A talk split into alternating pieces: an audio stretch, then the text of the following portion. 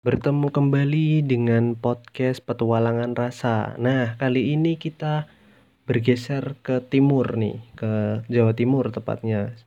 Di ibu kota Jawa Timur yaitu Surabaya. Di Surabaya sendiri ada salah satu makanan khas nih, rujak cingur. Cingur sendiri berarti mulut. Nah, hal ini merujuk pada bahan irisan mulut atau moncong sapi yang direbus dan dicampurkan ke dalam hidangan.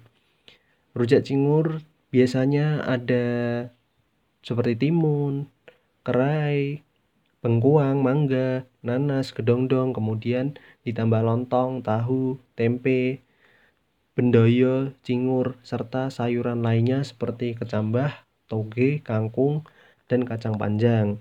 Semua bahan tadi dicampur dengan saus saus yang terbuat dari petis udang dan ditambahkan sedikit air matang untuk mengencerkannya.